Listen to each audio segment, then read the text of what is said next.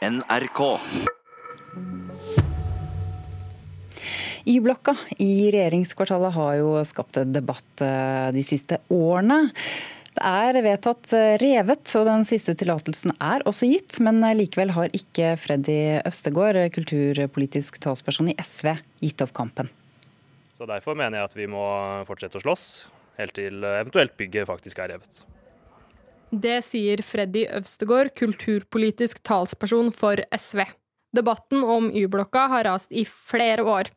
I 2014 ble det bestemt at den skulle rives. Fredag kom den til nå endelige avgjørelsen. Plan- og bygningsetaten i Oslo ga da Statsbygg klarsignal til å rive hele Y-blokka. Det reagerte Riksantikvaren på.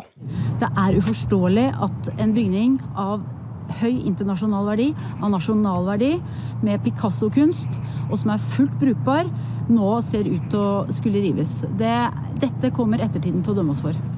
Det sa riksantikvar Hanna Geiran til NRK på fredag. Kommunal- og moderniseringsminister Monica Mæland svarer følgende på hvorfor de ønsker å rive blokka, til tross for kritikken fra bl.a. Riksantikvaren.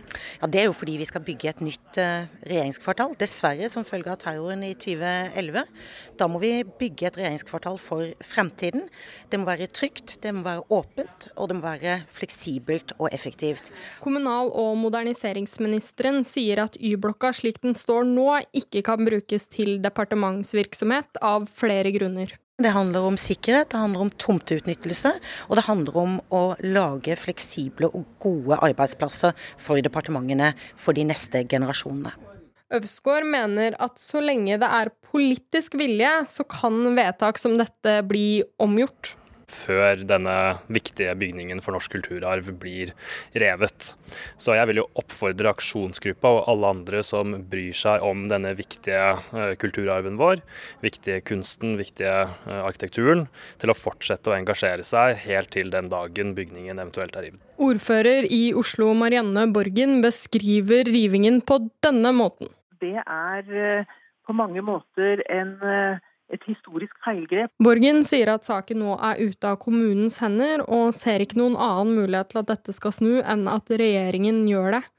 Statsråd Mæland har ikke tro på at denne saken vil snu. Jeg har ikke grunn til å tro det. Senest uh, i juni uh, saken, uh, ble denne saken behandlet i, i Stortinget, og vi forholder oss til de vedtak som er fattet. Reporter Maiken Svendsen.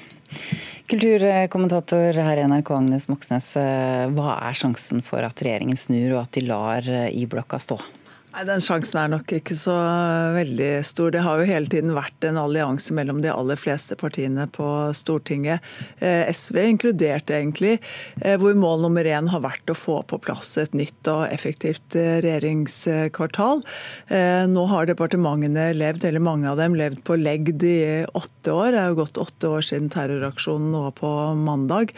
Og det er meningen at byggingen av nye regjeringskvartalet skal starte allerede neste år. Så jeg vil tro at dette forslaget fra SV er hår i suppa både for kommunalministeren og, og statsministeren. Det er altså et tungt politisk flertall for eh, det nye regjeringskvartalet. Men eh, hvem er det aksjonistene fortsatt har eh, tro på? Rivingen skal jo starte allerede i høst, som du sier. Ja, altså Y-blokka er jo et smertefullt punkt for Venstre. Regjeringspartiet Venstre. De har både kulturministeren og kulturminnevernministeren. De er imot riving, og de jobber nok helt sikkert innad, stille innad i regjeringen. For det er ingen som helst tvil om at kultur- og vernemyndighetene er satt på sidelinjene i denne saken her av to regjeringer, altså både Stoltenberg-regjeringen og Solberg-regjeringen. Og det er faktisk et nokså trist eksempel på at kunst, kultur og historie eh, veldig raskt får eh, rollen som annenfiolinist i sånne store eh, saker som dette her. Og hvis aksjonistene slår leir utenfor Y-blokka når den skal rives, noe jeg tror de kommer til å gjøre, eh, så er nettopp det forklaringen. Ja, Er det det som, som, eh, er grunnen til at det er så sterke følelser eh, rundt eh, dette? At det handler om kunst? Ja, altså Først og fremst så handler jeg tror det viktigste grunnen til at engasjementet er så stort og økende akkurat nå, det er at rivingen av Y-blokka ikke er utredet på en skikkelig måte. Men så er det veldig mange andre grunner også. Bygget kom jo bortimot uskadet gjennom 22.07. Eh, det er et symbol på et eh, politisk system som ble angrepet. Det er verneverdig arkitektur, tenkt ut i en helhet sammen med Høyblokka. Og i tillegg da denne kronen på verket med endeveggen med Picasso, som hilser forbipasserende ennå noen måneder. Ettertiden kommer til å dømme oss, sa Riksantikvaren eh, om denne avgjørelsen om riving. Er du enig? Ja, jeg, eh, det er jeg nokså sikker på. Eh, for det er jo gjerne slik at det er først i ettertid man ser hva man har og hvilke uerstattelige verdier det er der. Eh, Y-blokka er et sånt bygg. Det er vanskelig å se begrunnelsen for å rive de 50 år gamle betongveggene for å erstatte det med et mindre interessant, men mye dyrere bygg. Takk, Agnes Moxnes.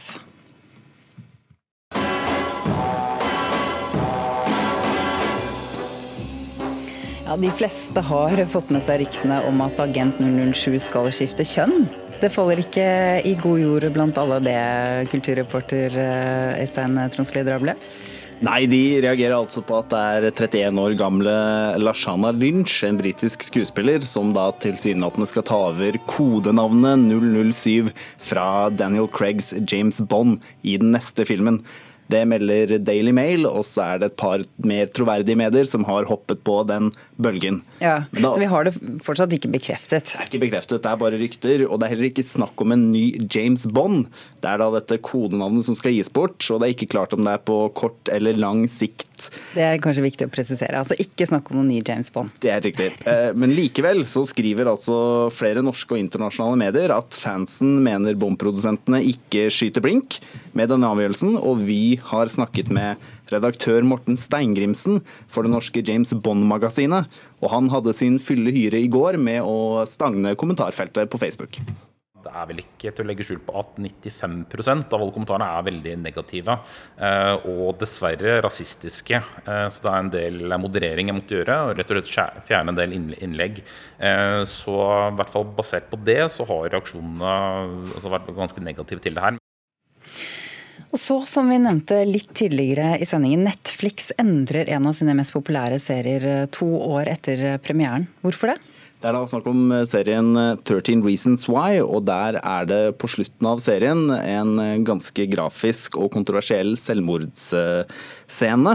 Netflix oppgir i en uttalelse nå tidlig mandag at årsaken til at de fjerner denne scenen er tilbakemeldinger fra flere unge mennesker, fans av denne serien. Og da har Netflix uh, ifølge seg selv gått flere runder med eksperter og helsepersonell, og har da tatt beslutningen om å fjerne scenen.